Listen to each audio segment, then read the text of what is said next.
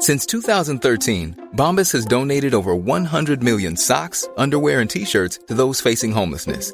If we counted those on air, this ad would last over 1,157 days. But if we counted the time it takes to make a donation possible, it would take just a few clicks. Because every time you make a purchase, Bombas donates an item to someone who needs it.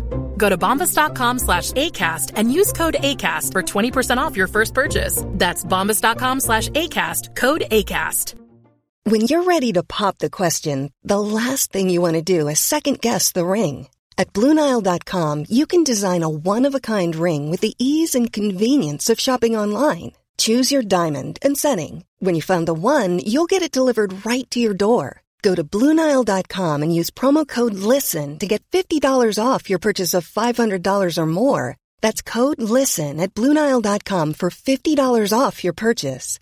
Bluenile.com code LISTEN. Hallå! Simon Gärdenfors heter jag och snart börjar min podcast Arkivsamtal. Nu på onsdag 5 september så kommer jag och Anton Magnusson till Uddevalla och dagen efter det så kommer vi till Stockholm. Då i Stockholm tillsammans med hela Funny Fuck Up-gänget och då kör vi stand-up också. Det gör vi vid båda tillfällena i och för sig. Veckan efter det värmer jag upp inför en av mina komikeridoler, Judah Friedlander, som kommer till Uppsala 12 och Göteborg den 13 september. Alla mina gig och biljettlänkar och allt sånt hittar ni på gardenfors.blogspot.com. Och ni får jättegärna stötta den här podden med en dollar eller två eller mer på patreon.com arkivsamtal. Ni som gör det får även tillgång till en massa flippiga bonusavsnitt. Men om du är luspank så kan du väl åtminstone följa mig på Instagram. Där heter jag atgardenfors. Men nu kommer Arkivsamtal som klipps av min redaktör Marcus Blomgren. Mycket nöje!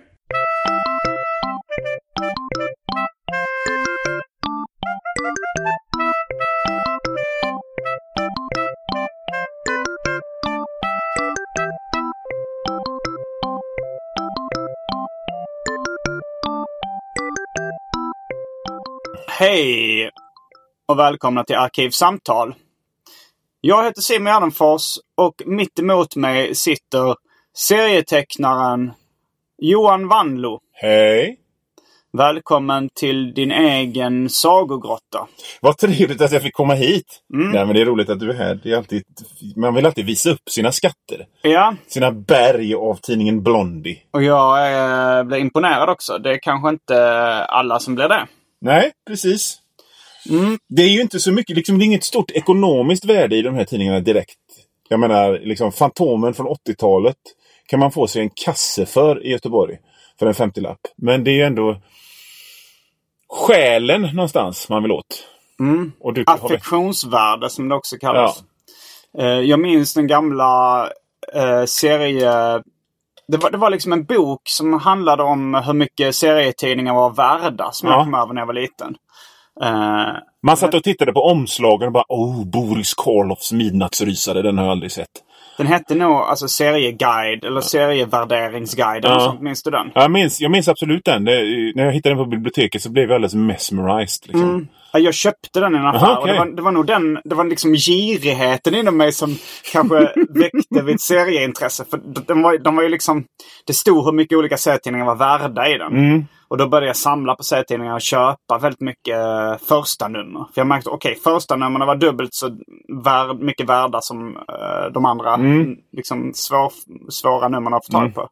Så då började jag köpa första numret av tidningen Zoo. Eh, som var en serietidning om djur okay. som kom på eh, tidigt 90-tal. Så i, i tron att den skulle bli väldigt värdefull.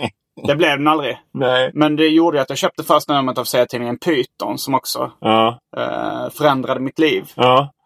Som gjorde att jag... Men det är ändå roligt att det är girigheten först. Ja. För att jag brukar säga, säga liksom, när jag köpte jag, jag köpte dyra amerikanska Marvel-tidningar. Mm.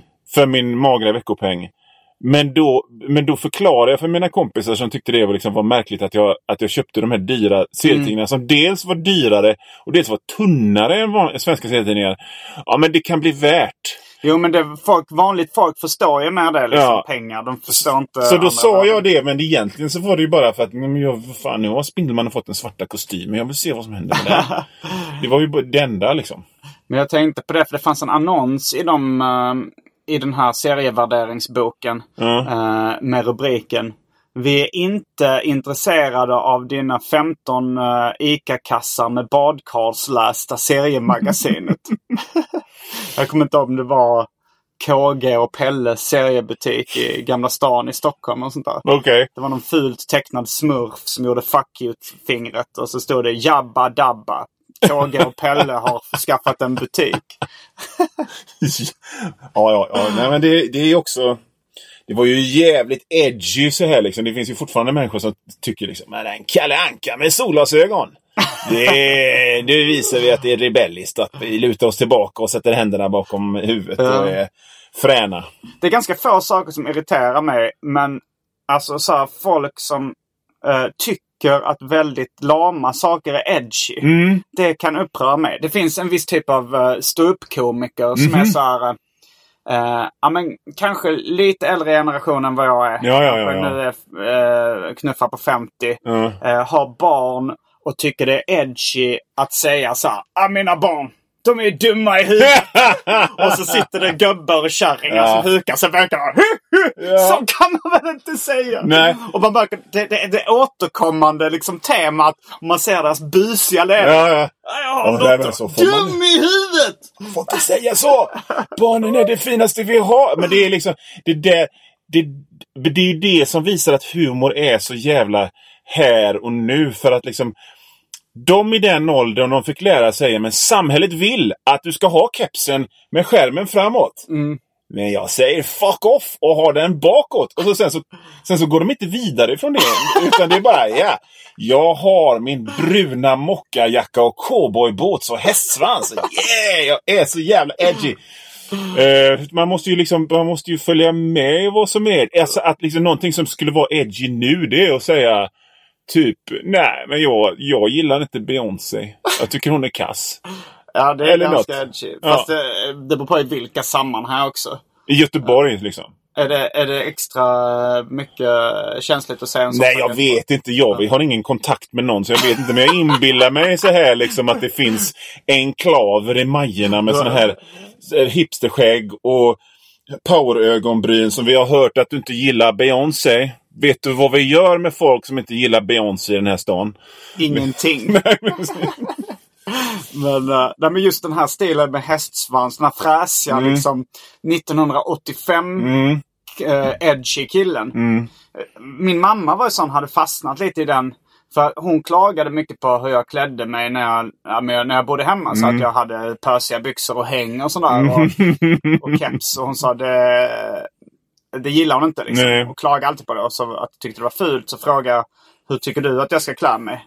Om du skulle få liksom eh, vandra med topp, från topp till tå. Mm. Så sa hon så, oh, så här, riktigt tajta blå jeans tycker jag är snyggt. Och, eh, med så här kanske fräcka skidjackor som slutar vid midjan i lite så här häftiga färger. Ja. Och ring i örat på killar och hästsvans. Det var verkligen så här tjackpundare på Ja. plattan-looken. Ja, det, det är väl folk som har fastnat i den looken. Ja. Hon, Eh, och som har liksom fastnat i sin egen fräckhet. ehm, Och som i sin lönnfethet bara, men jag är fräck va. Jag är fräck. Det, är, det är inte det att omvärlden springer ifrån mig va. Utan jag är bara så jävla cool. Så att liksom, och, och de ska gärna visa kidsen idag för liksom vad, som, vad som är fräckt. Liksom. Men jag känner att jag är på väg dit lite grann sådär, liksom, Ja. när det gäller filmer och sånt. Liksom. De bara, ah, paranormal activity. Och jag bara, nej men fan. Jag minns skräckfilmerna på 80-talet. Men jag kan gilla det här också, den här uh, alkisen som sitter på en bänk och i huvudet är fortfarande en Mm. sexig charmör. som inte riktigt har fattat att han stinker piss Nej. och, och är ful och som ändå går fram och så här är lite flörtig mot snygga unga tjejer. Men jag känner ju så här eh, lite grann att, att... För jag tänkte på det med stil häromdagen. För att nu är jag liksom, nu pushar jag 50 på riktigt. För jag fyllde 46 nyligen. Och så, så tänker jag, men så, så såg jag mig i spegeln och så tänkte jag, men nu ser jag ut nu som jag önskar att jag såg ut 1987. liksom lite skäggstubb, lite halvlångt liksom Lorenzo Lamas i Renegade-hår. Eh, en tuff jacka. Jag är nöjd med det. Ja, jag kan ja. köpa liksom, för att, för att om vi återknyter till min sagogrotta då. Fylld med seriepockets och serietidningar. Så är ju halva nöjet med den här sagogrottan det är ju liksom att jag står som en vuxen man med karriär och familj och barn ändå känner nu har jag snart alla Semix seriepockets som jag aldrig fick när jag var liten. Och jag kan känna mig liksom, den, bara den goda nöjdheten i det att jag är... Mm, Ja. Mm. ja, men ja, det låter mysigt. If you thought the only way to get a more defined jawline with natural looking results was through surgery, think again. Juvederm Volux XC is a non surgical injectable gel filler that improves moderate to severe loss of jawline definition and can help you achieve natural looking results with little downtime. Even better, this improved definition lasts up to one year with optimal treatment. No maintenance required. Improve jawline definition for a smooth, sculpted look with Juvederm Volux XC. For important safety information and to find a licensed specialist, visit juvederm.com. That's J U V E D E R M.com. Not for people with severe allergic reactions, allergies to lidocaine, or the proteins used in Juvederm. Common side effects include injection site redness, swelling, pain, tenderness, firmness, lumps, bumps, bruising, discoloration, or itching. There's a risk of unintentional injection into a blood vessel, which can cause vision abnormalities, blindness, stroke, temporary scabs, or scarring. Talk to a licensed specialist to find out if it's right for you. Since 2013, Bombas has donated over 100 million socks, underwear, and t-shirts to those facing homelessness. If we counted those on air, this ad would last over 1,157 days. But if we counted the time it takes to make a donation possible, it would take just a few clicks. Because every time you make a purchase, Bombas donates an item to someone who needs it. Go to bombas.com slash ACAST and use code ACAST for 20% off your first purchase. That's bombas.com slash ACAST, code ACAST. Normally, being a little extra can be a bit much, but when it comes to healthcare, it pays to be extra. And United Healthcare makes it easy with Health Protector Guard fixed indemnity insurance plans. Underwritten by Golden Rule Insurance Company, they supplement your primary plan, helping you manage out of pocket costs without the usual requirements and restrictions like deductibles and enrollment periods. So when it comes to covering your medical bills, you can feel good about being a little extra. Visit uh1.com to find the Health Protector Guard plan for you. Eh, vi har ehm, kommit fram till att idag, dagens tema ska vara Acke. just det. Sidospår får förekomma. Eh, men eh, Acke, som den heter på engelska, Ja. Archie. Ja. Kan du dra lite eh, kalla fakta bara? Lite bakgrundshistoria och sånt där? Det är väl... Ja, nej men säg att den... Jag killgissar vilt här nu, men sen 1948 så började den som en strippserie. Dagstrippserie. Sen så kom det någon tidning som hette Zipp eller Pepp eller någonting där. Och, och då var det liksom Acke och Sopprot. Och Acke var liksom lite dum i huvudet och Sopprot var ännu dummare i huvudet. Och så var det liksom galna äventyr som de hamnade i. Var Betty och Veronica med då? Alltså de var ju med, men de var bifigurer. Men den Acke som vi känner till idag när, när liksom den... Eller ja, det kanske man inte ska. Men säg att Acke som i majoriteten av dess tid man känner till den är ju tecknaren eh, Dan de Carlos eh, förtjänst. För han var en sån här, han, han ritade pin-up-skämt i herrtidningar på 50-talet. Och så, så började han teckna då Acke Eh, och, och då gjorde han liksom Betty och Veronica så jävla snygga. Och då, då blev liksom, då, där blev det den här triangeldramat att Betty och Veronica slåss om Acke. Och, och så finns Reggie med som, en, som- är ett rövhål. Ragge som han Ja. Ja. Och så, och så Sopprot då. Och så gör de... Sopprot är bara slacker. Slacker och äter väldigt mycket. Och Men han är inte fet. Nej. Han äter mycket hamburgare och han har en kungakrona på sig då som jag tänker är en Burger King-krona. Men det kanske det inte är. Nej. Det är mer än vad jag vet. Men det är coolt att han går runt alltid med en kungakrona. Har du sett den här eh, Riverdale? Är det en tv-serie som kom ganska nyligen? Ja. eh, som bygger på Acke? Ja. Nej, den har jag inte sett. Nej, inte jag heller. För att jag tyckte det känns liksom... För att jag hörde någon slags förhandsgrej att det skulle vara någon slags mordhistoria och Twin Peaks-igt. Jag kände bara... Mm. Ew. Nej, det låter dåligt. För jag, alltså den bästa Acke-filmatiseringen som har gjorts är ju egentligen Gänget och jag. Är det... Nej, det är ingen, det är ingen men den är ju ändå liksom mest Acke av Acke, alltså allt. Vad heter den på Happy engelska? Days. Okej, och det är en tv-serie då? Ja. Och om man tittar, det är ju den med Fonzie. Mm. Och Fonzie, är det Ragge då som skulle ha Nej, men Fonzie är mer... Om jag, eh, om, jag, om jag har fattat saken rätt. Det som gör att jag tycker att, att, eh, att äh, gänget och jag är jävligt äh, Acke är ju liksom att killen som har huvudrollen, Ron Howard, som spelar Richie Cunningham. Är, han ser så jävla mycket ut som Acke. Man tänker sig att en skådis som skulle spela Acke ser ut. Rödhårig, fräknig, liksom. Gee, jolly, gosh! Du vet, amerikansk do-gooder och, och sådär va. Eh, det är väl mest det. Men Fonzie var ju liksom en bikaraktär som kom in. Ja. Och han var ju liksom coolast i världen. Jag tänkte på det här, ett sidospår här. Jag tänkte på det att hur kan folk idag ens veta vad som är coolt som aldrig har sett Fonzie? så när Fonzie går fram till spegeln och ska kamma sig så här liksom. Och så tittar han i spegeln och så ser han Hej! Det är redan, håret ligger redan perfekt så han behöver inte kamma sig. Om inte det är höjden av cool så vet inte jag vad. När kom uh, gänget och jag? 78 säger vi. Okej.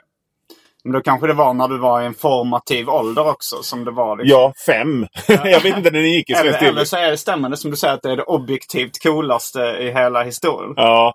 Sen, det, har du hört talas om uttrycket Jump the Shark? Nej? Nej, men det är liksom, man säger så här att när en tv-serie blir dålig. Mm.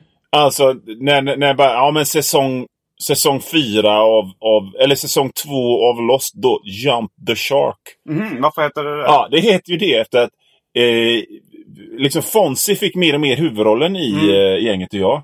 Och så finns det en sekvens i en senare säsong av... av och, och Fonzie, i början är han bara en cool raggare. Mm.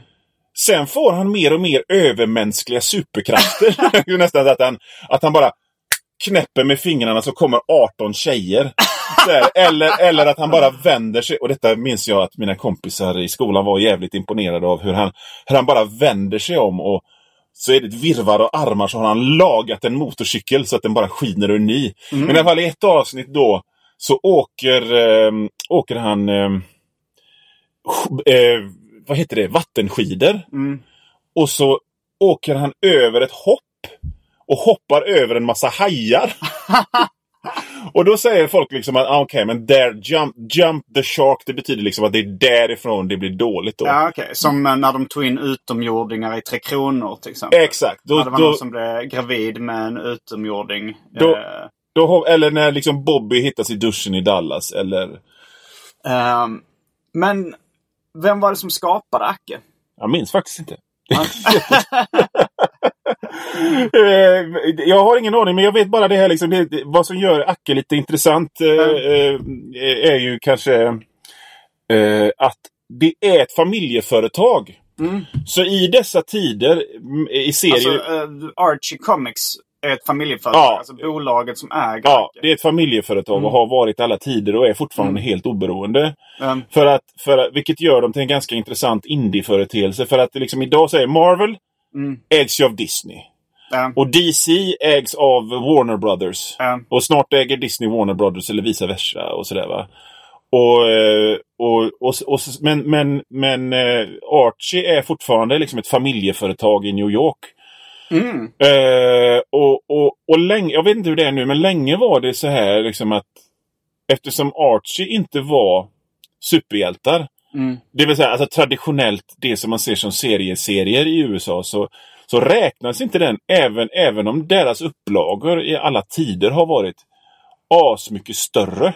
Ja, det är väl intressant att det är ehm, en av de eh, liksom, populäraste och bästsäljande tecknade serierna. Mm. Kanske, alltså så här, jag kommer ihåg när jag jobbade på Egmont C-förlaget. Mm. Då var det liksom i USA var Archie störst. Ja, Men han är relativt okänd. Alltså serietidningen Acke fanns ju då eh, ett tag i Sverige som serietidning. jag skulle gissa att den fanns ifrån... Ja, det, jag vet inte, men alltså, så länge jag har varit medveten om serietidningar så försvann den kanske typ 95? Eller? Det, det är inte helt omöjligt. Jag Nej. köpte den lite ibland när jag var liten. Ja. Jag, liksom, jag är ingen större Acke-fan. Men jag gillar fenomenet. Och jag giss, jag, vi, ska, vi ska återkomma till din relation till Acke. Ja. Eh, men först är det dags för två mer eller mindre fasta inslag i den här podden. Just det.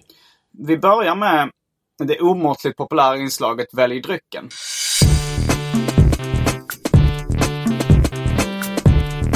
Jag tror vi börjar med fasta inslaget Välj drycken! Och eh, jag vet inte, har du alternativen i huvudet?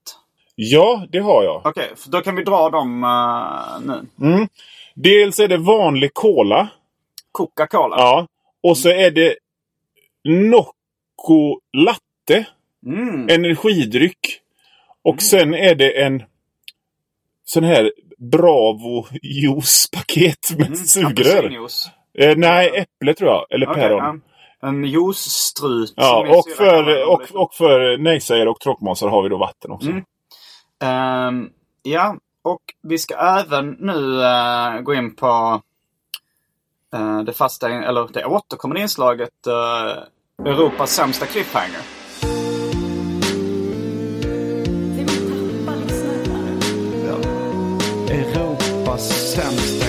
Cliffhanger. Det är inte alltid så dåligt. Vill du veta vad cliffhangern är? Ja, det vill jag gärna göra. Det är i den här pausen Ja. kommer vi då, i, som de goda journalister vi är, ta reda på, kommer vi kunna ta reda på vem som skapade Acke? För det känns som här, vi ska ha ett specialavsnitt om Archie. Men ingen vi- av oss vet vem det är som har skapat den. Eh, så tror ja, det, det, det är en av Europas många cliffhangers. Som, eh, så vi kommer snart, snart tillbaks med dryckerna från det omåttligt populära inslaget Välj drycken. Och då när vi kommer tillbaks ska vi även rycka av skynket från en av Europas många cliffhangers. Häng med!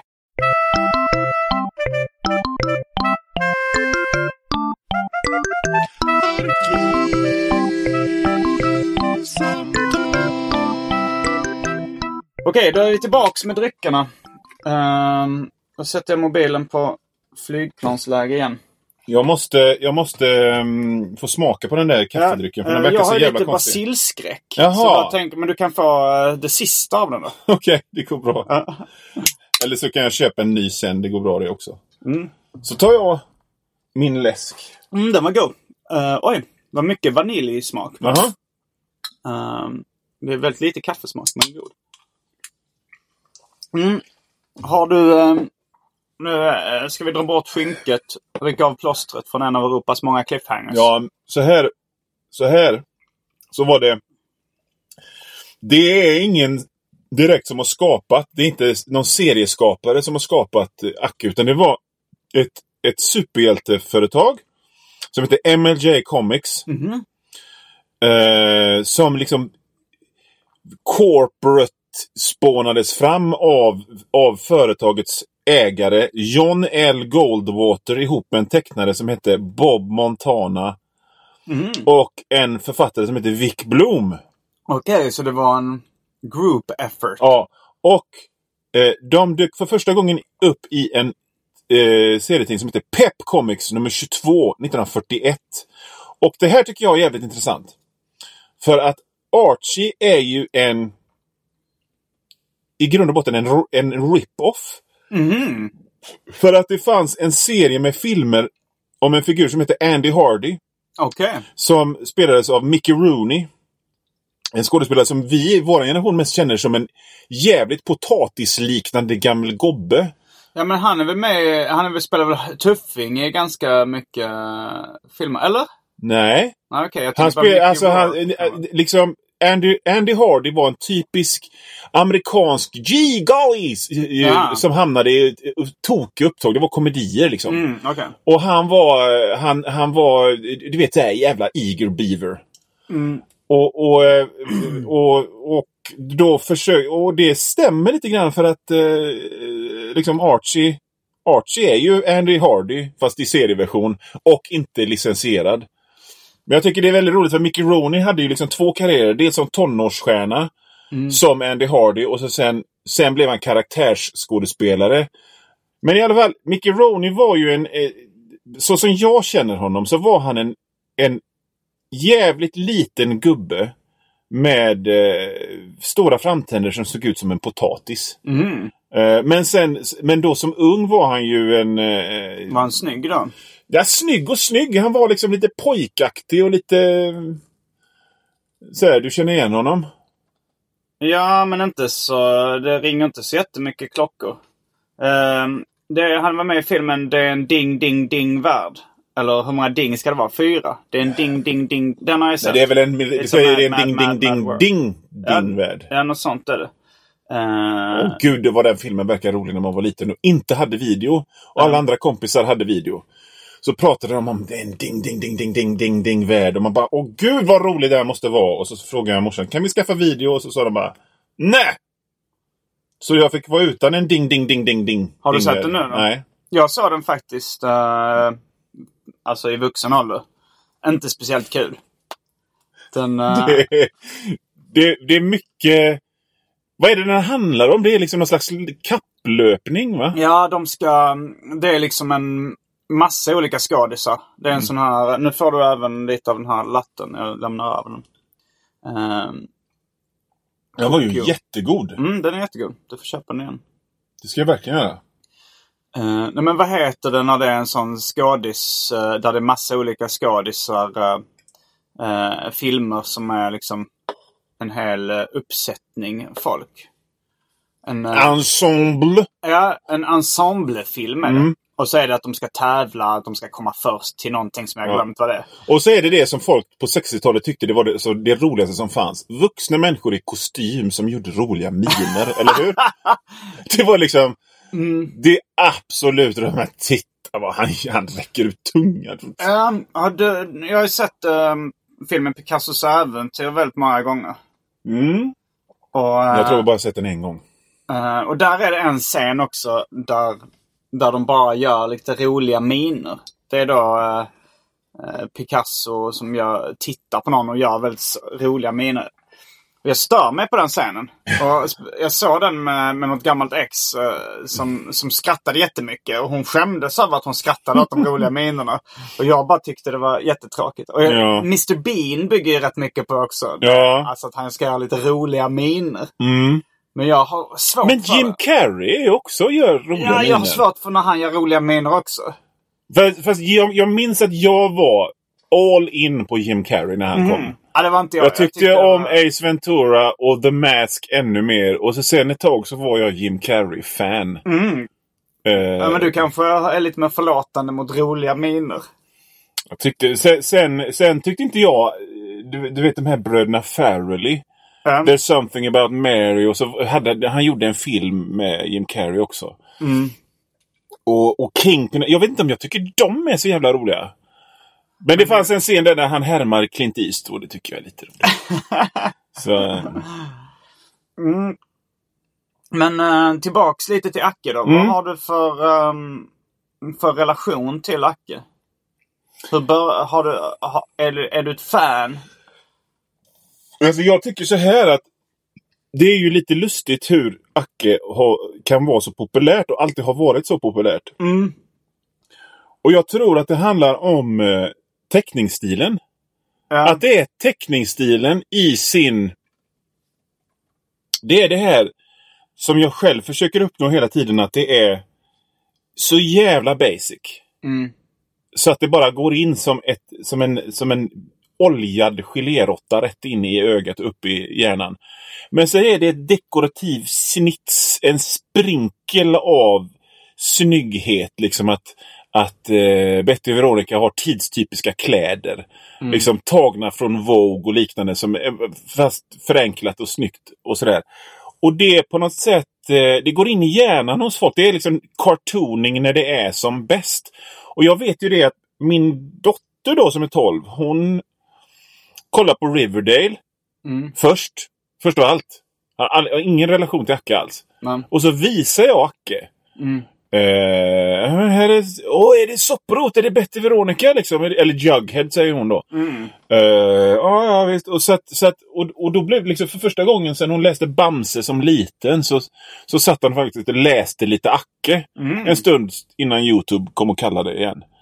Eh, men det, och, och, och, så, att, så att jag kan säga när jag var liten då och, och skulle köpa serietidningar så ville jag ju aldrig ha Acke. Utan jag ville ha Spindelmannen och sånt direkt.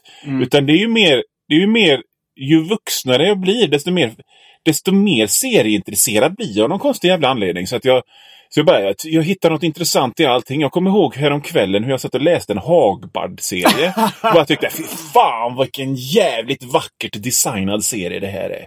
Hagbard handfast. Ja, och jag blev verkligen så här. Och när jag blir sån. Jag vet inte, jag tror det har lite grann också med att man är lite övertrött att göra. Men det har så ofta hänt att jag sitter så här. Alla har lagt sig hemma. Klockan är halv ett. Och jag ligger och läser Hagbard. Eller Acke. Eller Modesty Blaze eller någonting. Och jag nästan bara. Det är så jävla snyggt det här! Jag kan inte hantera det. Jag får ställa mig upp och liksom stå och liksom dricka lite vatten och andas lite och gå för, för att det är så jävla Överdriver bra. du nu? Nej! Det är så att... Ja! Måste... För det är en sån fantastisk skönhetsupplevelse. De här, de här grejerna. Syndrom. Ja, men det är verkligen så här. Mm. Och så får jag gå tillbaka och så läsa det lite igen.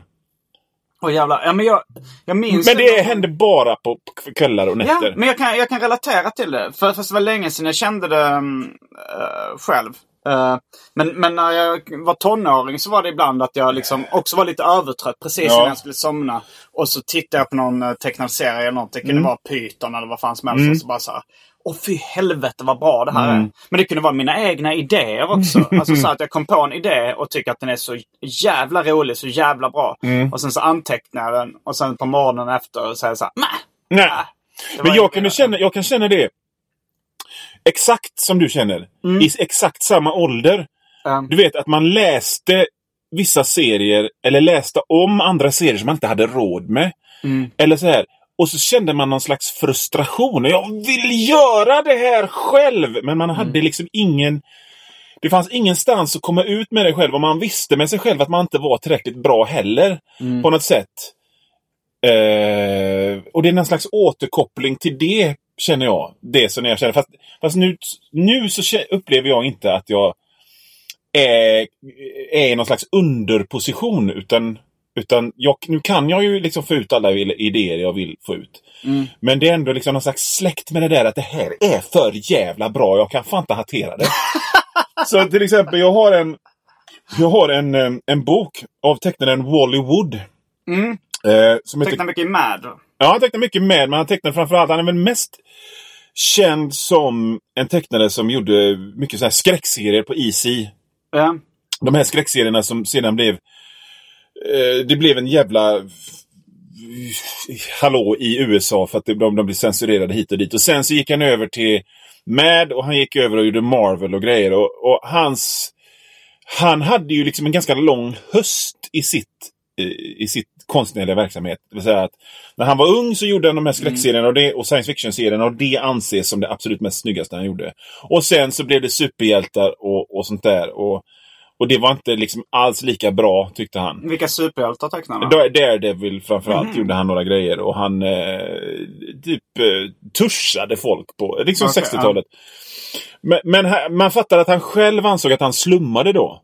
Och någonting som han också gjorde det var att han gjorde två nästan lite pornografiska serier för tidningar som, som, som, som gick ut till militärer som, bod, som var overseas. Och en av dem är en serie som heter Canon som handlar om en stenhård hemlig agent. Och det är bara brudar som tappar kläderna hela tiden. Och det är det här riktigt B-films cyniskt, fullkomligt utan något slags värde egentligen allt. Men att det är så jävla snyggt. Och jag tycker sånt är, är fräckt med galna vetenskapsmän på öar. Som s- skapar gift och så liksom, eller bygger tjejrobotar som man ska förföra FN-delegater med som sen ska sprängas och sånt där. Liksom, och jag vet att den har stått i flera år. Jag vet bara om jag börjar titta i den nu så kommer jag bli alldeles uppspelt. Och, för att så liksom, för jag kommer bara sitta och tänka på men jag måste göra något sånt här liknande själv. Jag måste göra det nu. Så att den får stå liksom. Så då, då går jag tillbaka. Ja, jag läser något lite mer safe. Han uh, begick självmord va? Ja. Hollywood. Han var djupt deprimerad eller vad det? Han var dels djupt deprimerad för sina... För det här som jag säger med karriären. Mm, vadå att han bara Ja, men han tyckte själv att han slummade och det, det tycker jag också... slummade att han blev sämre liksom? Nej, Eller att han, att han sammanhangen, Aha. eh, karriären var sämre för att han tyckte naturligtvis själv att göra mjukporrserier Mm. var inte... Någon som har ritat liksom skräck och science fiction och cowboyserier på Easy på 50-talet Mm. och göra liksom halvporrgrejer. Det var det på- enda han kunde leva på då? Ja, det var det enda han kunde leva liksom, han tyckte, Så att han var liksom lite deprimerad över det. Sen var han djupt alkoholiserad. Mm. Så att han, och så fick han, du vet, vid 49 års ålder en massa strokes. Mm. Så att han kunde liksom inte jobba. Så att han var, han var, han var jävligt cynisk och, och han, jag tror han bara var utsliten. Han sa en jävligt cool grej i och för sig. Han sa, nu har jag inte eh, grejen i huvudet, men det var eh, Rita inte det som du kan kopiera. Ko kopiera inte det, det som du kan liksom tracea. kalkera. Mm. Eh, eh, och så, så, att, så, så basic, så, så, grund, så var det liksom, ja det var något sånt. Han sa, om du kan sno och härma och bara kopiera rakt av så gör det. Mm. Och så ritar du skiten ur det som är kvar. Det tyckte jag var liksom rätt, rätt fräckt. Ja. Eh, men han begick självmord sen. Eh, men, men, men det intressanta är att jag tycker ju liksom de här serierna då som han gjorde när han slumma. Mm. Ja, alltså det är ju inte lika snyggt och, och innovativt som de här fina Mad-grejerna eller science fiction och skräckgrejerna. Men det är ju ändå helt fantastiskt bra. Det är liksom, jag skulle inte kunna... Om mitt, mina barns liv hängde på det så skulle inte jag kunna teckna så snyggt. Som han gör när han själv anser att han slummar. Men, Mm, Nej, Så att jag jag- gillar sleaze-faktorn lite grann också i det hela. Liksom. ja men det kan jag, Ja. har jag märkt att jag... Eh, jag tänkte också på Wall, uh, Wallywood. Um, eh, Daniel Klaus, serietecknaren bland annat eh, bakom Ghost World och sånt. Ja. Jag tror han har sagt det att han, det var, det var en bild, ett självporträtt av Wally Wood, Mm. Wally Wood som fick eh, Daniel Klaus att vilja bli serietecknare. Och Det finns en sån, han har gjort ett självporträtt där han liksom kanske sitter med en cigg Mm. vid bordet och det ser så coolt ut. Ja, ja, ja. Att han såg den bilden då av uh, Wally Wood och tänkte Mm. jag vill också bli serietecknare. jag vill bli så här cool som Ja. Wally Wood. Ja, men Wally Wood såg ju ut som en 50-tals... Han var ju en 50-talssnubbe. För att återknyta till det här med att ha kvar sin stil. Ja. Så att han hade ju liksom uppvikta jeans och cowboyboots Ja. och, och eh, bakåtslickat hår. Ja. Alltid liksom. Och sen. Och, ja, han, han, han, eh, han var en sån workaholic också så att han ritade ju, han jobbade ju sönder sina ögon. Så han kisade så jävla mycket. tiden. Han såg rätt cool ut liksom. Mm. Ja, men- Handsjåar Jag har snubbe. tänkt rätt mycket på det när Daniel Klaus pratade om Wally Wood. För han sa så här att eh, eh, han tyckte att Wally Wood var det coolaste Mm. i hela världen. Och sen så, men när han läste intervjuer med honom så var han bara så här bitter. Mm. Liksom, att han, han tyckte han hade blivit dåligt behandlad av olika redaktörer Mm. och, och liksom kanske hade ekonomiska problem och sådär. Och Daniel Klaus tänkte då så här, What do you care? You're Wa- Wally Wood! You're the coolest guy on earth! Varför bryr du dig om sådana små saker? Mm. Ja, ja, ja. Men sen så när Daniel Klaus själv liksom blev eh, gammal eh, och så, här, så, här, så var han, sa han, ja men det, sen nu har jag blivit exakt likadan. Those bastards owe me money. Så. Men jag försöker ändå liksom tänka lite på det som så här livsvisdom. Att eh, det finns säkert någon, någon ung eh, som tänker så här. Varför bryr du dig om det? Du är Simon Gärdenfors. så jag, ska, jag, ska, jag försöker leva mig in i det. Så här. Fan, jag ska inte bry mig om sådana liksom, Nej. små problem. Jag är... Nej, men du, jag, jag känner exakt likadant. För jag, jag kan... Jag, jag kommer att tänka på det här om dagen. Det är nog bara för att det har varit så soligt och att jag har fått massa så här solenergi, solenergi i kroppen. Men jag känner så här. För det blir gärna i serievärlden så blir det liksom, du vet, man träffar folk som jobbar i andra medier så lägger de huvudet på sning. Jaha, ja, det är liksom, du du vet, många gånger så har jag träffat folk från filmbranschen. Så där. Så, ja, jag tänkte att man kanske skulle kunna göra en, en liten lilla vän. Vi skulle kanske kunna göra en liten film på din lilla serie. Och jag bara tänkte, what the f... Jag har... Jag har... Jag ritar för fan i Herman Hedning, Pondus ut i vår hage eh, och Galago. Jag menar, för, alla mina drömmar jag skulle kunna hade som barn har jag liksom gått förbi så att huvudet snurrar. Mm. Och, och så tänker jag, bor i en köpelägenhet i innerstan. Jag har en, jag har en, jag har en, eh, jag har en, eh, jag har en båt och, och det finns, jag har det, fan, jag, det är ju bara makt och pengar och fan fräcka grejer i mitt liv som har blivit av, av mina serier. Så att, så att eh, just nu mår jag väldigt bra i var jag är någonstans liksom. Så att det, det, men det, det är liksom lite grann en inställningsfråga för att det finns ju en hel omvärld. För att så fort man pratar om serier så blir det ju liksom, ja, aktörer. Och det blir liksom, ja men folk som blev lurade hit och dit. Och så pratar man med svensk seriefandom så är det bara, jag hört att tjäna pengar. och wah, wah, wah, wah, wah." Och så, det- Nej, det tjänar jättemycket pengar.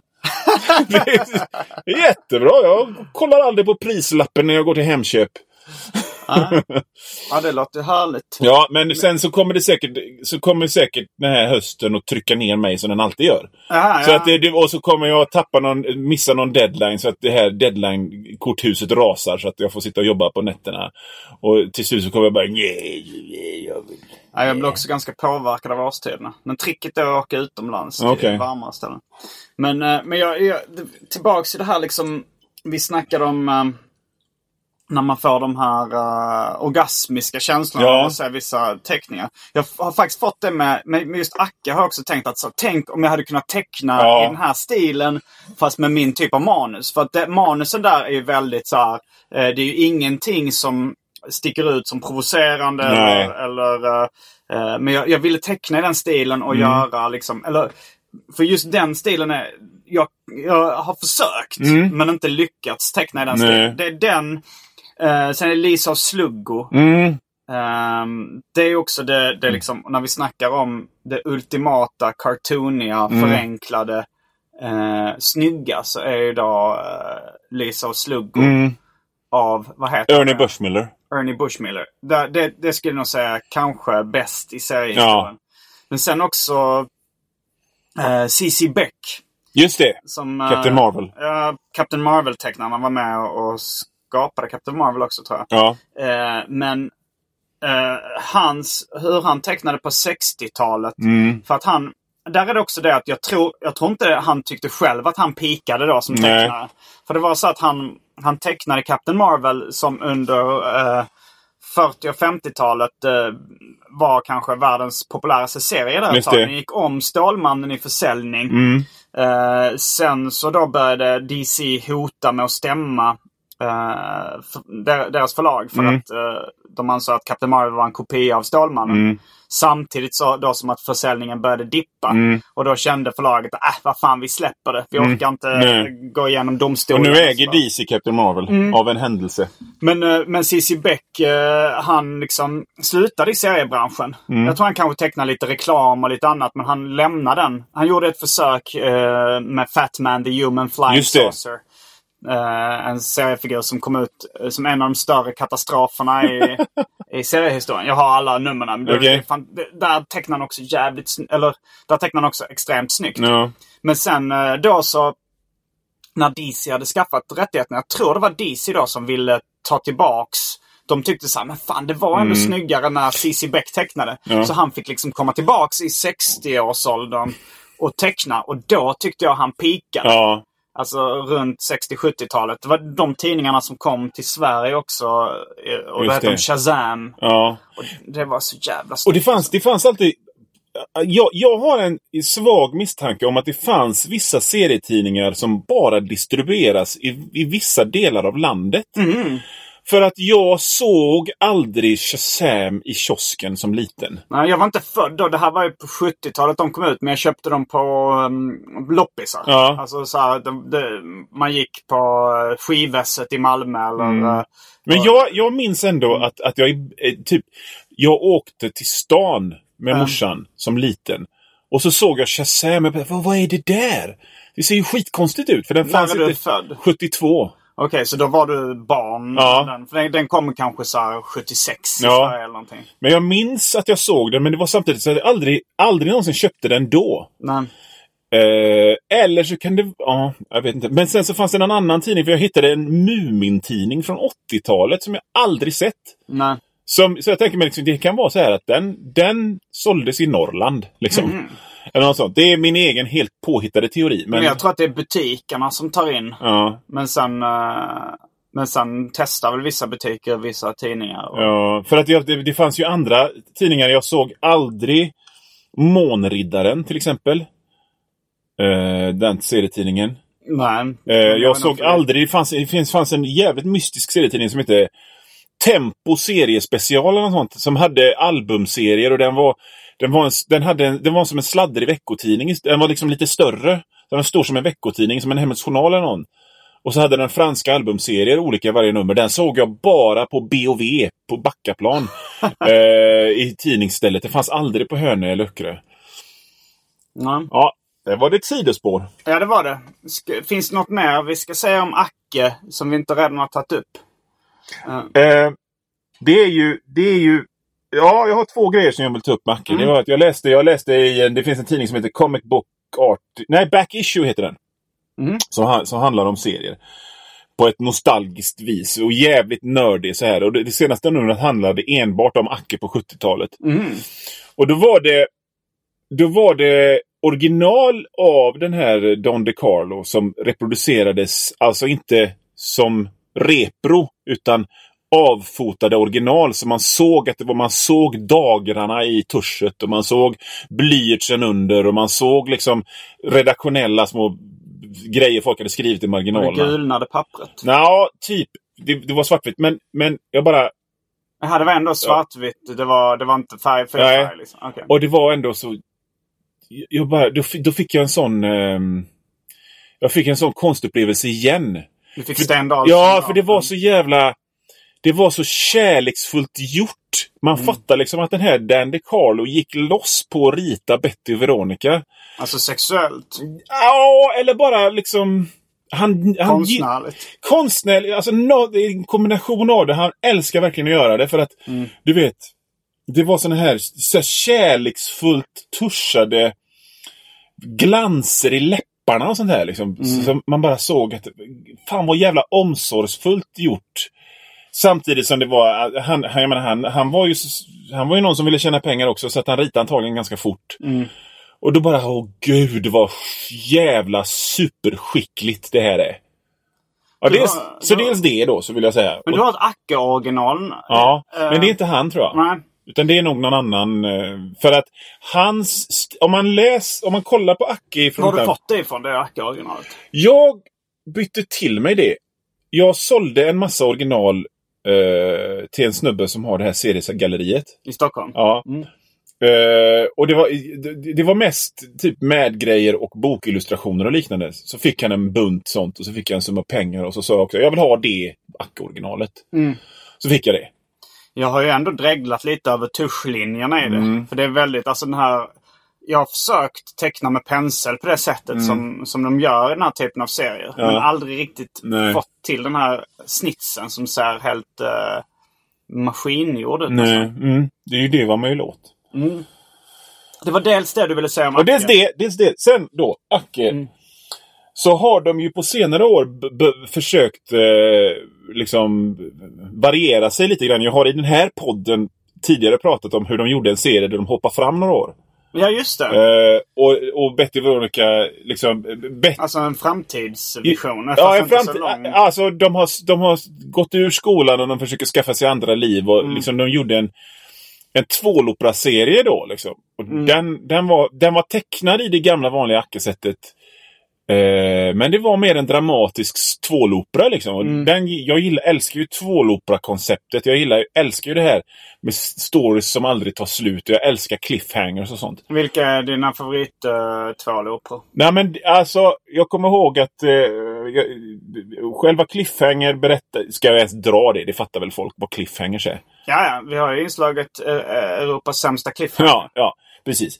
Eh, men sen, sen så såpor och sånt, men det var ju Dallas när man var liten. Men sen så, sen så ett tag så var jag inne på varje dag såpor så att Days of Our Lives Mm. var ju helt fantastiskt ett tag på 90-talet. När folk var typ besatta av djävulen och sådana grejer. Och de hade en... eh, De hoppade hajen. De hade Ja, de, de, alltså, de hade hoppat över hajen och tillbaka och backat över hajen. Och liksom, och så folk var besatta av Satan. De hade en skurk som hette Stefano. Som... ehm, som, eh, som var som en James Bond-skurk. Han drev brottssyndikat men han var besatt av Marlena. och, och, och Marlena var besatt av Satan då. Och så var det eh, ma, hennes man Jan som hela tiden fick rädda henne. Och Stefan och... Och det var liksom sådana här intriger som att vi ska byta ut hjärnan på folk med någon satellit. Alltså det var helt fantastiskt. Den kollade jag maniskt på ett tag. Och så sen så började jag jobba mer så jag kan inte se på den. Men... Mitt gamla skivbolag Golden Best Records. De hyrde ett, uh, en lägenhet, eller ett, en lyxig lägenhet i Hollywood mm. ett tag. Som jag fick uh, bo i också mm. lite grann. Uh, och det var sådana liksom det var en Days of Our Lives-skadis som hade bott där innan. Okay. Och det var ju så här liksom, han hade rustningar och sånt i trappuppgången. Det var verkligen så gammeldags lyx liksom. Ja. Uh, det var jävligt coolt. Det, det är ju liksom, jag, jag gillar det här liksom att, att, att, att att, vi, att visa att man har gott ställt. Att det var fint en gång i tiden. att man verkligen skulle visa. Så jag, jag läste en bok om Liberace nyss. Ja. Och han, han kom från ganska fattiga förhållanden. Så när mm. han fick pengar så, så tyckte han liksom att det är klart att jag ska handla varje dag. Mm. Så till slut så hade han så mycket hem.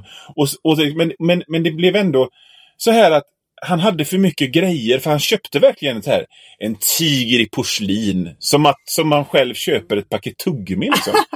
eh, men det var verkligen för att visa att man hade pengar. Jag kan tycka att det är... Jo, jag kan gilla det. Det är underskattat det här nyrika. Ja. Det blir ju mest så här, uh, det här ghetto fabulous grejen. Mm. Att folk som kommer från fattiga förhållanden vill verkligen visa med ja. guldkedjor och ringar. Men det är ju ingenting nytt ifrån det. För det är ju liksom en, det är ju en uh, det är ju, det är ju liksom folk som, alltså, som kommer ifrån, eh, de har jobbat sig upp ifrån en bondgård. Mm. Och sen för att det är gott ställt så har de den största Thanksgiving turkeyn. Även om de måste slänga mm. hälften.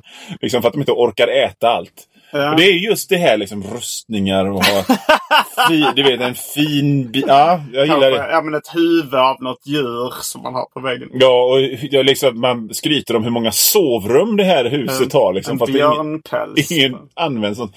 Jo, men jag, det här var ett sidospår. Men sen skulle jag komma in till en annan Acke-grej. Då var det liksom, men Acke är ju så pass etablerat vad Acke är. Mm. Med Betty, Veronica, Sopprot, Acke, Reggie. Så de gjorde, och så pang så gjorde de en skräckserie. Jaha. Ja, så, och det, det, tyckte jag var lite vitsigt. För att det men fanns... vilket år? Ja, det här är väl 2012 då. Mm, men du liksom har uh, lite på sparlåga följt Acke genom hela livet och Aha. läst det lite då och då? Ja, visst. Okay, um. Men det är ju det är som sagt, det är liksom i vuxen ålder så är det som jag liksom verkar gå loss på Acke. Mm. Men så, så, så, så, hörde jag om den här eh, titeln då. För att det finns en, det fanns ju många Acke-serietidningar. Men en hette mm. Life with Archie då. Och det var en vanlig Acke-serie. Mm. Men så startade en serietidning som hette Afterlife with Archie. Mm. Där de skulle liksom helt enkelt hoppa på zombietrenden. um. Och det är fan en av de otäckaste jävla skräckserier jag någonsin läst. Kan du bli rädd av skräckserier? Nej, inte ja. rädd. Men det är ju det här att Acke är så etablerat vad det är. Um. Så när det bryts sönder så jävla brutalt liksom. Mm. Att, att Sopprot, Jughead, blir en zombie. Mm. Som äter upp sin farsa liksom. Du får det att låta som att det här är en sån helt otrolig revolutionerande grej. Ja men jag tycker det. För att det är ju verkligen Alltså det är ju en väldigt basic grej men det är ju ändå lite, lite, lite lätt. Jag menar, man har bara sett det i parodier innan. okay, att, alltså sådär, ja, men det här var ändå liksom Acke själva som godkände och gav ut det här. Mm. Att de bara gör våld på sin egen pryl bara för att se vad man gör. Och eftersom Acke är så uppbyggt vad det är, när det liksom bryts sönder på det här sättet, så var det verkligen bara oh, Oj, oj, oj, oj, oj. Jag kände mig liksom nästan lite upprörd och bara nej, nej, nej, nej. Och, och, och Cheryl Blossom då, som var en rödhårig som, tjej som de tog in på 70-talet som skulle vara sexigare än både Betty och Veronica. Som, och hon var ute efter Acke. Mm. Också, hon var stenrik, så hon var liksom snäppet med, hon... Är det inte så att Veronica är rik och Betty är lite fattigare? Ja, Betty är en vanlig tjej, Veronica är rik. Mm. Men här kommer då en som var ännu mer fabulous och rik. Mm. Och i den här Afterlife with Archie så typ mördar hon folk. Mm. Och sånt där. Är det, det är mord? Ja, ja visst. Så att, eh, ja, så den, den, var, den var fin. Och sen då så har de ju ballat ur fullständigt med det konceptet. Så att då ska de liksom göra någon varulvsserie om Jughead. Och, och Finns det fortfarande? Kommer de ut fortfarande? Ja, de kommer ut fortfarande. De har ju även gjort en serie nu som handlar om hur Betty och Veronica är ledare för ett motorcykelgäng och sådär. och Som är typ Mm. re- realistiskt tecknat och sånt där. Och då känner jag, då tappar jag det. Men just den här, när de gjorde en zombieserie där folk åts upp. Liksom, det var ritade grafiskt. Det kände jag, oj, oj, oj. Oj, nu kände jag grejer här in, in, inombords. Ja, du, du har på dig just nu en Scooby-Doo t-shirt. Just det. Jag tycker ändå det finns uh, ja, lite likheter. Jag, jag hade en teori om att det inte fanns några Scooby-Doo, inga så riktigt stora Scooby-Doo-fans. Mm. Men det kanske, det kanske du... Jag identifierar mig som Scooby-Doo-fan. eh, för jag, jag träffade en kille en gång som höll på att göra e- elektronisk musik. Mm. Eh, och han kallade sig Scooby. Och Jag frågade så är du Scooby-Doo-fan? Så sa han nej. Men det var bara någon annan som hade hittat på hans artistnamn Ja. tror jag. Men, eh, men då, för jag, jag läste någonstans att Scooby-Doo var den tecknade filmserien som hade spelat in flest antal avsnitt. Ja, Eh, de har nog blivit omsprungna av Simpsons nu. ja. Men, men då, det här var tio år sedan och då, då ledde Scooby-Doo. Eh, och, men jag tyckte det var så konstigt att det hade kommit så många avsnitt när jag aldrig hade träffat en Scooby-Doo-fan. Och han, och han Scooby då, musikern, han sa men de kanske tänker så att om vi bara gör ett avsnitt till, då kommer vi få ett fan. Men att de fortsätter för Men de det finns väl jättemycket Scooby-Doo-fans? Ja, jag menar, men jag har inte träffat något. Nu, för, förrän nu då. Du är den första som erkänner dig som Scooby-Doo-fan. Ja, Och ja, Acke jag känner jag lite samma älskar sak. Scooby-Doo. Att, att, eh, Jag- Jag har aldrig träffat något Acke-fan innan nu. eh, Du är nog den enda som är både Scooby-Doo och Jag Acke-fan. samlar på Scooby-Doo-filmer. Jag köper alla nya Scooby-Doo-filmer som kommer. De gjorde en Scooby-Doo-film... eh, Mm. Har du ny- alla tecknade filmerna? Nej, nej, jag har inte alls. Men jag har... Alltså när man säger att den har flest tecknade avsnitt så är det en sanning med modifikation. För att Mm. det finns en Scooby-Doo-serie som heter Scooby-Doo Where Are You? Eh, Två säsonger. Okej. Sen så kommer det en Scooby-Doo-serie till. Det är ingen större skillnad, men den heter något annat. Mm. Liksom Scooby-Doo Adventure Hour. Och så är det nio avsnitt av den så. Sen finns det 13 Ghosts of Scooby-Doo som är 13 avsnitt. Mm. Och, så det är massa, massa, massa, massa olika serier som har blivit... De, de gjorde en serie nu när de helt enkelt såg den här Adventure Time eller vad fan. Mm. Nej, men vi gör en Scooby-serie i den stilen då. Den hette What's, What's Cool Scooby-Doo eller något sånt där. Det känns ju väldigt uh, krystat att försöka ha- haka på den och Ja. kalla den What's Cool. Ja, men och så sen då så görs det nya filmer hela tiden och de samlar jag på. Så att, så Alltså de spelfilmerna. Ja, ja, spel, tecknade spelfilmer. Som, liksom tecknade långfilmer som görs. Så det har ju bland annat gjorts en om Äh, Scooby-Doo möter Kiss. Men du menar tecknade långfilmer, inte Ja. tecknade spelfilmer? För det kom ju spelfilmer med en CGI-animerad Scooby-Doo. Ja, just det. Men de är helt okej. Ja, okej. Ettan tycker jag är bra. Eh, Jag har med. Sarah Michelle Gellar spelar, eh, är med i den. Och- Men när han det möter finns- Kiss, Ja, Scooby-Doo. ja, Ja, det låter ju intressant. bandet, inte drycken. Ja. eh, och nu senast så köpte jag, eh, vad fan var det? Det gjordes en jättebra. Där, där, eh, där Scooby-Doo möter massa DC-superhjältar. Mm. Den, Batman möter, eller liksom Scooby-Doo möter Batman, The Brave and the Bold. Den var bra. Den köpte jag ny på DVD för 99 kronor. Tyckte jag Wow. den ska jag ha. Finns det... Det måste ju finnas tecknade Acke-filmer. Det finns en, det, det här är, all- allra första gången jag var med i Arkivsamtal så pratade jag om detta. Det, det, det fanns en, en ganska stor tecknad eh, Acke-tv-serie som gick i två säsonger någonting. Eh, och i varje avsnitt så hade de en låt och en dans. Wow, en helt ny dans. Ja, de hittade på en ny dans som de gjorde instruktionerna till. Liksom, att du ska... Vad fan, jag har bara sett ett avsnitt själv. Och då var det typ eh, indianen. Då ska man liksom dra och röra, hoppa och dra tillbaka som att man spänner en båge. Och så, liksom, så var dansen. Men den, den här låten, och detta har jag sagt förut, men Sugar, di, di, di, di, det är ju liksom Acke, The Archies. Det bandet i den tecknade tv-serien som, som spelar den. Jo, det blev jag ju chockad över när du Ja. berättade. För det är ju en evergreen. Ja, verkligen. Sugar, du, du, du, Ja. du, du, du, ooh, Honey, honey, di, di, di. Ja. Det är en väldigt bra, bra låt. Ja. Eh, men det var då det tecknade bandet The Archies Ja. som gjorde den. Och då är, då är det liksom uh, Jughead spelar trummor. Ehm, Reggie spelar bas och Acke spelar gitarr och Betty och Veronica spelar tamburin med körtjejer. Men det kan ju inte varit en jättestor succé. Jo. Eftersom, alltså den tv-serien. Ja. För den är inte alls lika känd som Scooby-Doo eller Simpsons. Nej men den liksom- gick inte. Ja men alltså Scooby-Doo. Alltså Simpsons måste du fatta är ett, en jävla... Det är ju det är inte, hört inte till vanligheten att tecknade tv-serier någonsin går längre än typ fyra säsonger är skitmycket.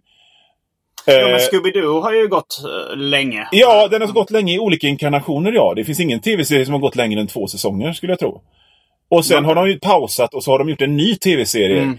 Som, där de ändrar på det lite grann. Eller eh, det, det, det fanns, det fanns en, en variant som var The New Scooby-Doo Movies. Det var det liksom att hur Scooby-Doo möter... Eh, de möter såna här avdankade Hollywoodstjärnor som är tecknade. Sonny and Cher. liksom så. Eh, så det finns ju många olika varianter. Så att det här med att Family Guy och Simpsons har gått i hundra säsonger. Det är, no- Park. ja, det, det är ju konstigt liksom. Det hör ju inte till vanligheterna verkligen. Nej, men jag tycker ändå att eh, om Acke var en stor succé Ja. som tecknad film borde det vara mer än det lilla. Jag vet inte hur ekonomin för tecknade filmer eh, fungerar.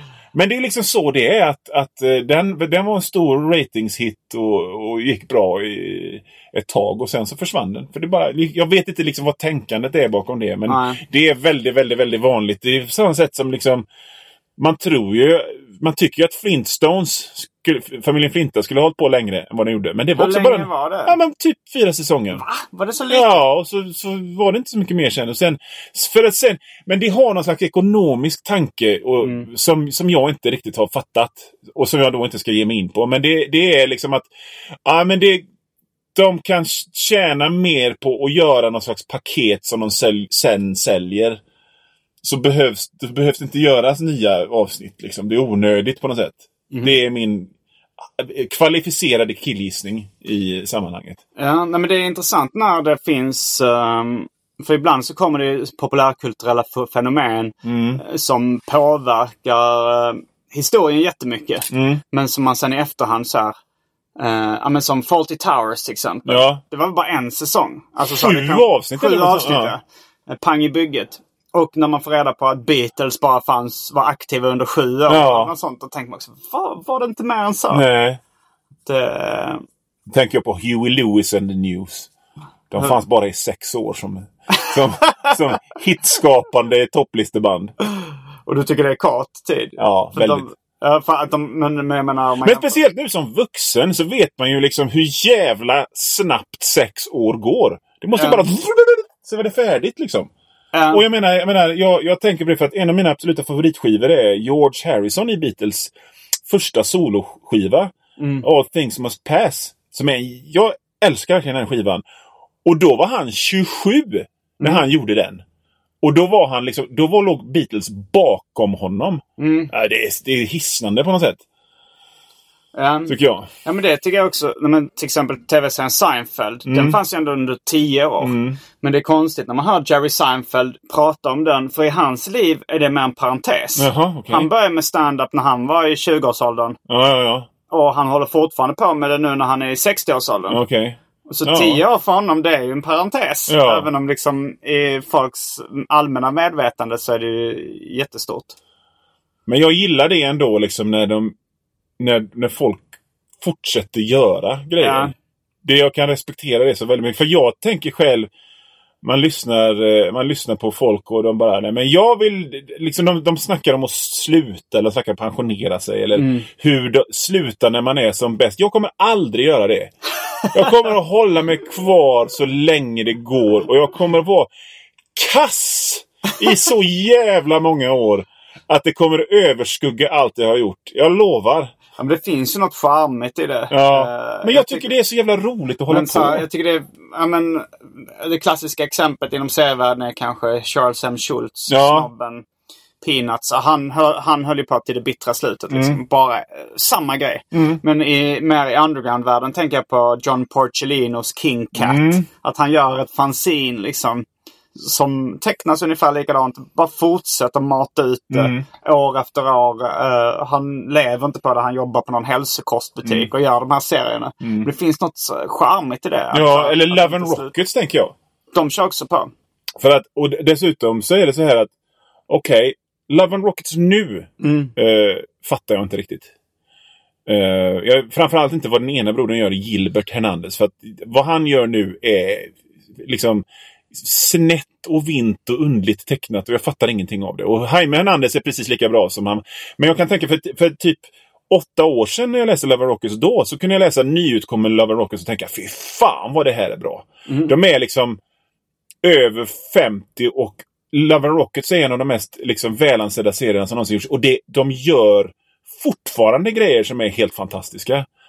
Det, då, då känner jag liksom, fan, det är fräckt. Och det, då kan man också se att man, att så jävla bra att de höll sig till serier. Det var aldrig det att de försökte göra någon jävla film eller något sånt där. Utan de gjorde serierna, punkt. För jag tänker bara på hur hemskt hade det inte varit om det typ 1992 gjordes en Love and Rockets-film med typ Bridget Fonda och Janine Garofalo eller något sånt. Fy fan vad dåligt det hade varit. vad hem... Vilken jag, jävla stor... jag har aldrig varit så. Jag, jag har inte läst mycket Love and Rockets. Alltså okej. Men, men, eh, men jag tänker på eh, Robert Crumb. Mm. Eh, han hade ju liksom sin, sina storhetsdagar kanske på 70-talet. Mm. Och jag upptäckte honom kanske någon gång själv på 80-90-talet. Mm. Och tycker fortfarande att han är en av de eh, bästa konstnärerna som Mm, ja, har absolut. I alla fall, Eh. jag vet inte så mycket om serierna, men just, just det visuella är ju liksom helt Ja. outstanding på honom. Men, sen, men han håller på fortfarande också. Ja. Och inte ens jag som liksom tycker att han är de, en av de bästa konstnärerna som någonsin levt. Ja. Kollar ju upp. Så Nej. åh, det har kommit en ny Crumb-grej. Liksom. Kanske jag slänger ett getöga på det. Eller så här, till, ah, okej det här. Ja. Men, men eh, han är också sån som fortsätter och fortsätter. Mm. Och han, han har berättat i någon intervju att när han träffar så här, gamla kompisar eller folk som kände honom på 60-talet och frågar vad gör han nu för tiden? Så blir de förvånade att han fortfarande tecknar serier. Mm. För de har inte sett det liksom, år och dag. Det bara... Men, för jag har liksom, jag vet att han gav ut, han ritade Bibeln. Ja, det var ju skittråkigt. Ja, men det var ändå snyggt. Så, men, men sen vet inte jag vad han har gjort så mycket mer. Nej, jag vet Det har jag inte heller. koll på. Men han, måste, han är ju nog rätt gammal nu liksom. Ja. Eh, han är väl över, vad kan han vara? 70, 80. 70, mer, snarare 70 än 80. Ja. tror jag. Men det är ju så jävla imponerande tycker jag med eh, 70-åringar som fortfarande gör, gör bra grejer. Så han fortfarande rockar och, och hänger med. Ja, jo, Nej, men, men så att Larry David är Ja. 71 och fått, håller på att spela in en ny säsong. men det är bara för att vi åldersnojar Simon. Som vi tycker det är skönt. Ja. Vi ser på dem och så tittar vi på våra fårade ansikten. Ja. Och så känner vi att vi är fortfarande i jämförelse med dem. Vi ser en slags hopp hos dem. Ja, men att man har, jag kanske har då 30 år kvar. Ja, precis. och, ja, men, samma sak med Mel Brooks. Ja. Han, var, han var över 60 när han gjorde Det våras för rymden. Ja, och precis. det, då tänker man, han är ändå nära med, med kidsen. Ja. Det, det här liksom Star Wars-parodi och sådär. Ja. Det var, och, det, och den tycker jag är en av de, det var liksom när jag var liten en av de roligaste filmerna jag någonsin sett. Ja. Jo, nej, men den är jävligt rolig. Nu var det länge sedan jag såg den. Men, ja, men, jag, jag, men med det, det finns något hoppfullt i det på något Ja. sätt. För att det är ju onekligen så att man lever i ett jävligt åldersfixerat samhälle. Mm. Och när man själv börjar liksom närma sig fel sida 50 så, så, så, så är det liksom gött att se dem som eh, inte har blivit bortglömda eller blivit kassa eller blivit Ja. bittra. Eller... Ja men också det här som du snackar om att man kan man får unna sig att bli kass också. Ja. Bara köra på. Det tycker jag eh, finns en charm i också. Ja. Att bara köra vidare trots att... eh, För mindre och mindre publik. Och, och, och, men, men, men, men jag tänker på det, som hårdrockare då. Mm. Så levde jag igenom hårdrockens storhetstid på 80-talet. Mm. Ett exempel. Saxon spelar på Scandinavium här i Göteborg för 3000 betalande. Mm. Sen går det kommer 90-talet. Och då spelar Saxon för 120 betalande i min gamla hemkommun Öckerö på res, rest, restaurang Trubaduren Mhm. på Hönö. Ett ställe där de har här gröna kulor och krabbskal i taket och sådana grejer. Liksom. Där och så, men nu då så spelar de på Skandinavium igen. Liksom, eller typ motsvarande. Eh, de, de kom tillbaka. De kämpade sig igenom det där eh, wilderness years. Mm. Det kan man också. Och nu, och nu är det mycket folk då? Ja. Och tu, mer än 3000 eller? Ja, eller i alla fall 3000 eller ja. 2000. Mm. Ja men det här att kämpa på. Jag tänker på den äh, dokumentären om hårdrocksbandet. Äh, vad heter nu det som heter Stad på engelska? Anvil ja. Anvil ja. Mm. Fast de, all, de, de, hade liksom en hit på 80-talet Ja. och sen så har kämpat på ja. sen dess. Det, det är också en de För jag, jag kommer ihåg när jag, för jag, jag såg den filmen så var det, ja det finns en ganska bra förklaring för att Anvil aldrig slog för att de var kassa. liksom. Men det är ändå så här bra att de fortsätter att hålla på. Ja, Eh, eller bra bra. Den är ju tragikomisk. Ja. Det, det är ju ändå så här att de ger inte upp trots att De borde. flesta tycker att de borde. Fast ja, om de, om de gillar att hålla på själv så är det ändå Ja. ganska... Det, det är väl ungefär som att du kommer fortsätta teckna serier till det bittra slutet. Ja, precis. Mm. Och apropå det bittra slutet. Det var allt från den här veckan av uh, Arkivsamtal. Jag heter Simon Gärdenfors. Jag heter Johan Wanlo. Fullbordat samtal.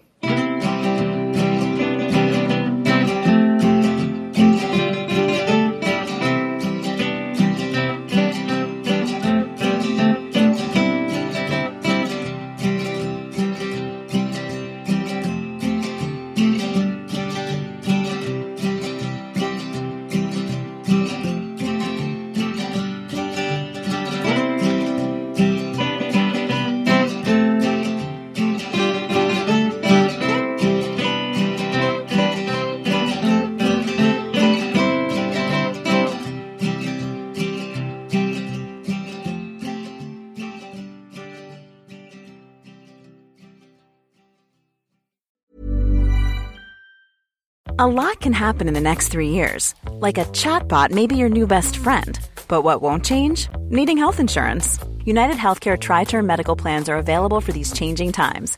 Underwritten by Golden Rule Insurance Company, they offer budget friendly, flexible coverage for people who are in between jobs or missed open enrollment. The plans last nearly three years in some states, with access to a nationwide network of doctors and hospitals. So, for whatever tomorrow brings, United Healthcare Tri Term Medical Plans may be for you. Learn more at uh1.com. Hey, it's Paige DeSorbo from Giggly Squad. High quality fashion without the price tag. Say hello to Quince. I'm snagging high-end essentials like cozy cashmere sweaters, sleek leather jackets, fine jewelry, and so much more. With Quince being 50 to 80% less than similar brands. And they partner with factories that prioritize safe, ethical, and responsible manufacturing. I love that. Luxury quality within reach. Go to quince.com slash style to get free shipping and 365 day returns on your next order. Quince.com slash style.